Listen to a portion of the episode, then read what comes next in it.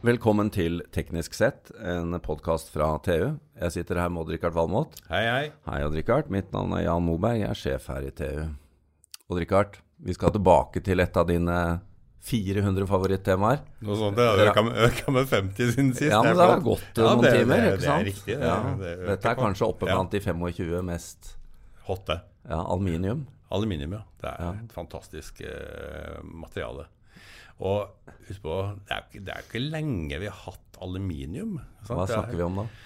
Nei, altså det er vel en 150 år siden, det ble, siden man klarte å fremstille det. Og den eh, franske Napoleon 3., han satt jo og meska seg med aluminiumstallerkener, mens gjestene fikk bare gull. Så det er, da var det virkelig Dette jo over det. dette må jo være som musikk i ørene til dagens gjest. Eh, Teknologidirektør eh, i Hydro, Hans Erik Vatne, velkommen. Takk for det. Ja, det er godt å høre. Nå Spiser, er det jo eh, spiser man på aluminium i kantina i Hydro? Nei, vi, vi gjør ikke det. Vi har noen dekketallerkener i aluminium på, Ja, på gjestehusene våre. Ja. Så, ja, så vi er litt der, men ikke helt Napoleon-standard. Prisen er dessverre falt under gullprisen. Ja. Men, men eh, oppdater oss litt, eh, Hans Erik. Hva, vi snakker altså 150 år tilbake i tid. Ja, litt lenger, hvis man skal være veldig presis. Eh, Men eh, det var tidlig på 1800-tallet at man klarte å isolere aluminium. Men det var på veldig lite avanserte metoder, og det var det som gjorde at eh, prisen var ekstremt høy. Dette eksempelet med Napoleon 3. er morsomt. Eh, På verdensutstillinga i, i Paris i 1855 så stilte også franskmennene ut barrer av aluminium sammen med kronjuvelene. Så det var også noe av det mest verdifulle man hadde å by på. Men det store gjennombruddet kom jo da i 1886. For da klarte man å, å lage en elektrolyseprosess for framstilling av aluminium. Men da snakker du egentlig om den prosessen vi bruker i dag? Ja, faktisk er det det. Altså Denne patenterte da Hall og Herold uh, uavhengig av hverandre i 1886. Og i prinsippet så er faktisk eh, prosessen den samme i dag. Uh, I hvert fall hvis du ser på prinsippene. Den gangen trengte man riktignok 50 kWt for å lage en kilo aluminium. I dag er vi nede på 12 kWt med vår Karmøy teknologipilot. altså. Ja, Ja. Så det, det har jo vært en, en viss utvikling over år, da, men det er jo det er over en lang tidsperiode. Vi kommer tilbake til Karmøy, for det er jo et superspennende prosjekt. Men, men jeg må bare stille spørsmålet. Dere har gruver i Brasil, og så har dere da aluminiumsproduksjon ved de norske fjordene. Er, er ikke dette helt bakvendt? Burde ikke, burde Ja, ikke du- produksjonen ligge der hvor gruvene er? Tenker logistikkmessig. Eh, det er klart eh, Boksitt, da, som, eh, som er det mineralet i verden som inneholder aluminium, som er lettest å utvinne, det finnes i et belte rundt ekvator. Og Brasil er et av de stedene hvor det finnes store ressurser. Afrika har eh, en del ressurser, og, og så finnes det også en del andre steder. Så det må jo naturlig nok komme derfra. Og så trengs det da veldig mye elektrisitet for å framstille aluminium. For elektrolyse det, lyse er jo spalting, og elektro er jo elektroner. Man bruker jo rett og slett elektroner til å spalte da eh, aluminium og oksygen. For det er jo sånn med aluminium som med de fleste andre metaller, de er bundet til oksygen i sin naturlige, stabile form. Så vi er avhengig av å skille aluminium og oksygen i et aluminiumoksid, og da trenger vi store strømmengder. Og I Norge så er vi jo så heldige da, at vi har uh, fantastiske vannkraftressurser. Så vi kan jo da gjøre dette med fornybar energi, som er helt da uten CO2-utslipp, uh, den elektrisiteten vi har. Og det man ser ellers i verden, er at det brukes veldig mye kull til å, å framstille elektrisitet, som man da lager aluminium av. Så vi har jo i Norge en fantastisk fordel gjennom den fornybare vannkraften vår. Da gjør vi altså det uten eh, CO2-utslipp. Det gjelder jo ikke bare aluminium, det gjelder også flere av de andre materialene som Norge da som prosessindustri faktisk framstiller. Så her har vi et kjempepre. Og det er jo flere og flere av kundene våre også som ser dette som en stor fordel. Og så er det klart, De som forbruker aluminium, det er jo heller ikke de som bor i Norge. Så ikke har vi rå, råvarene, ikke bruker vi så mye aluminium. Det skjer jo nede i Europa og, og ute i verden. Så ja, det er noe logistikk her. Men fordi at Norge er ledende både teknologisk og at vi har vannkraften, så har det faktisk eh, veldig mye å si at vi produserer aluminium. Og Jeg må få komme med ett tall, hvis jeg kan det. Ja, kom igjen. Det, det at vi i Norge produserer 1 million tonn aluminium, det sparer altså verden for 15 millioner tonn CO2-utslipp. Sammenlignet med at dette hadde vært produsert Mm. i Kina, basert på kullkraft.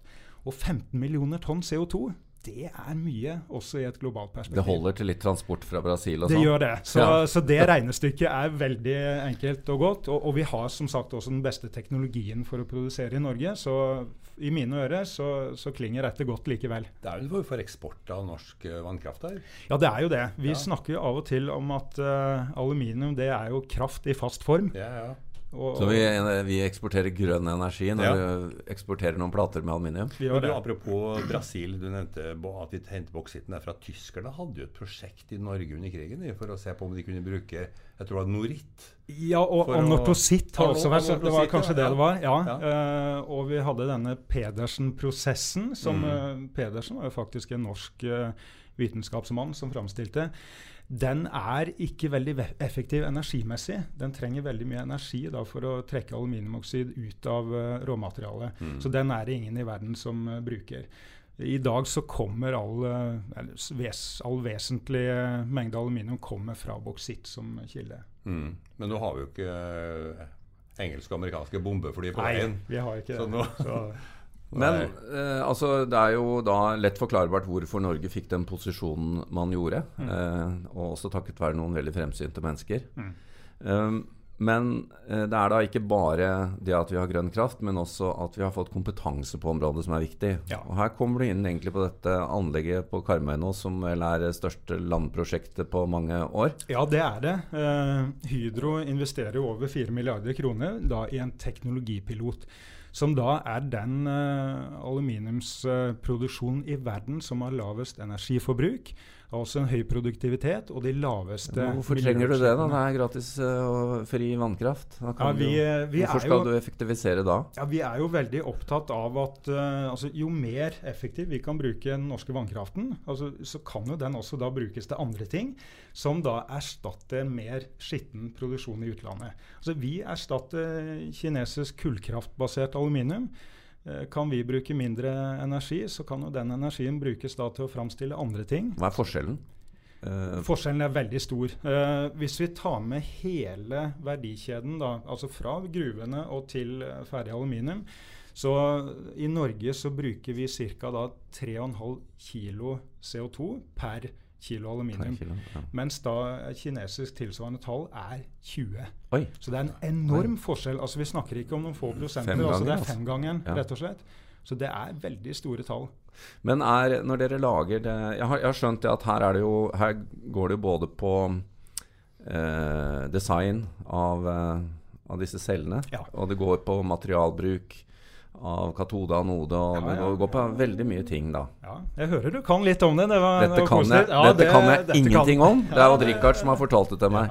Men, men, hva- hva- Men jo, bare ja, Når dere har kommet fram til dette, er det da en, også en løsning dere kommer til å selge til andre, eller er det noe dere skal sitte på og være Hydro har hatt som ja, filosofi at vi utvikler vår egen elektrolyseteknologi til interne formål. ja.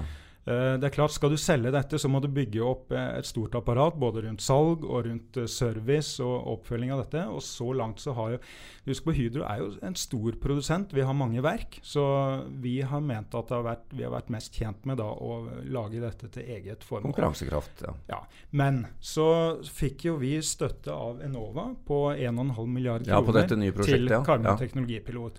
Og, og da noen av disse konkurransekravene eh, ble, ble da satt sånn at vi faktisk eh, er forplikta til å selge teknologien innafor EØS-området. Så Aha, etter nettopp. noen få år, når denne piloten da har vist seg å fungere, Så vil det bli tilgjengelig. så, så er vi forplikta til å selge. Men kun i EØS-området. Mm. Så kan man jo spekulere hvor mange nye smelteverk kommer til å komme i Europa, men det, det kan jo skje.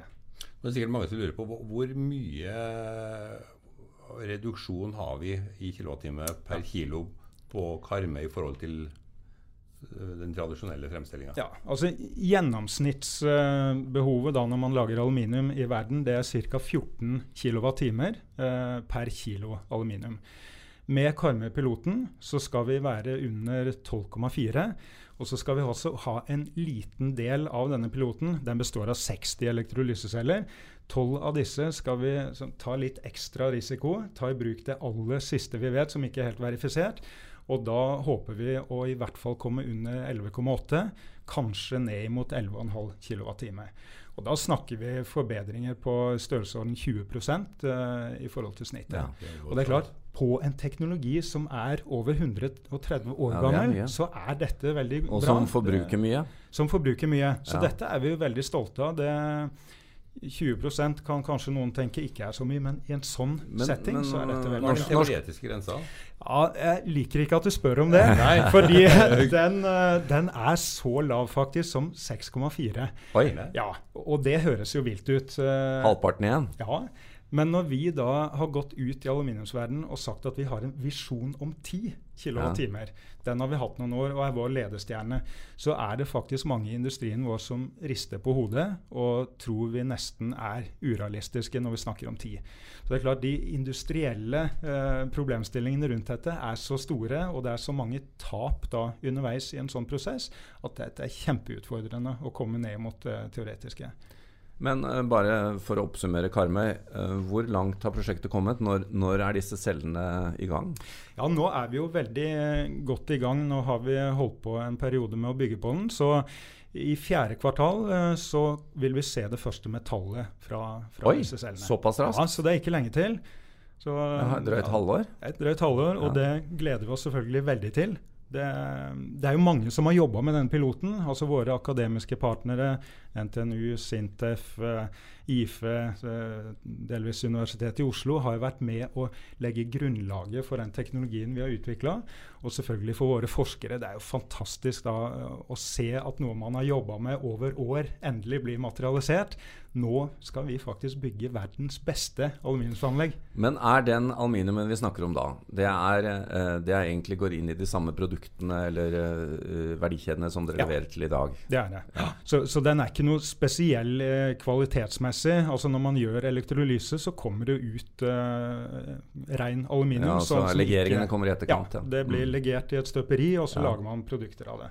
Men hvor langt For dette er jo også interessant. Vi snakker om at Norge er flinke på, på råvarer og mye. Um, men uh, hvor langt er vi i kjeden på, på, sluttprodukter? Altså Dere leverer jo da typisk i blokker eller plater eller hva det heter? Ja. Uh, vi uh, lager aluminiumen. Så støper vi da ut uh, halvfabrikata, som da enten blir presset til profiler, eller så blir det jo valsa ned til plater. Og der stopper jo vår produksjonskjede. Da er det kundene våre som, som former og lager produkter av dette. Så um, Hydro har jo valgt å, å, stoppe der i verdikjeden.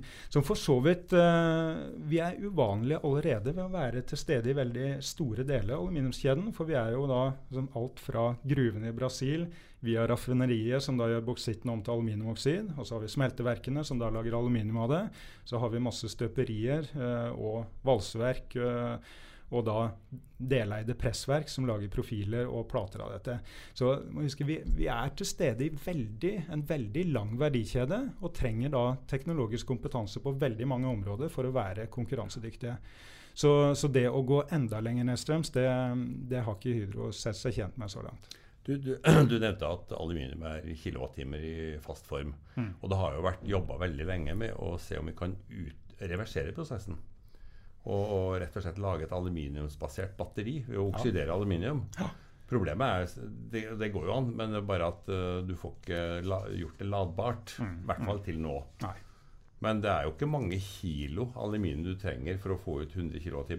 Nei, for det er jo, det er jo det er, som du sier, det er veldig energiintensivt. Ja. Uh, så, og og det, det, ligger jo i materialet, det går ikke tapt. Eh, og det er jo for så vidt et poeng også i forhold til, til resirkulering. Vi kan jo bruke aluminiumen om igjen og om mm. igjen.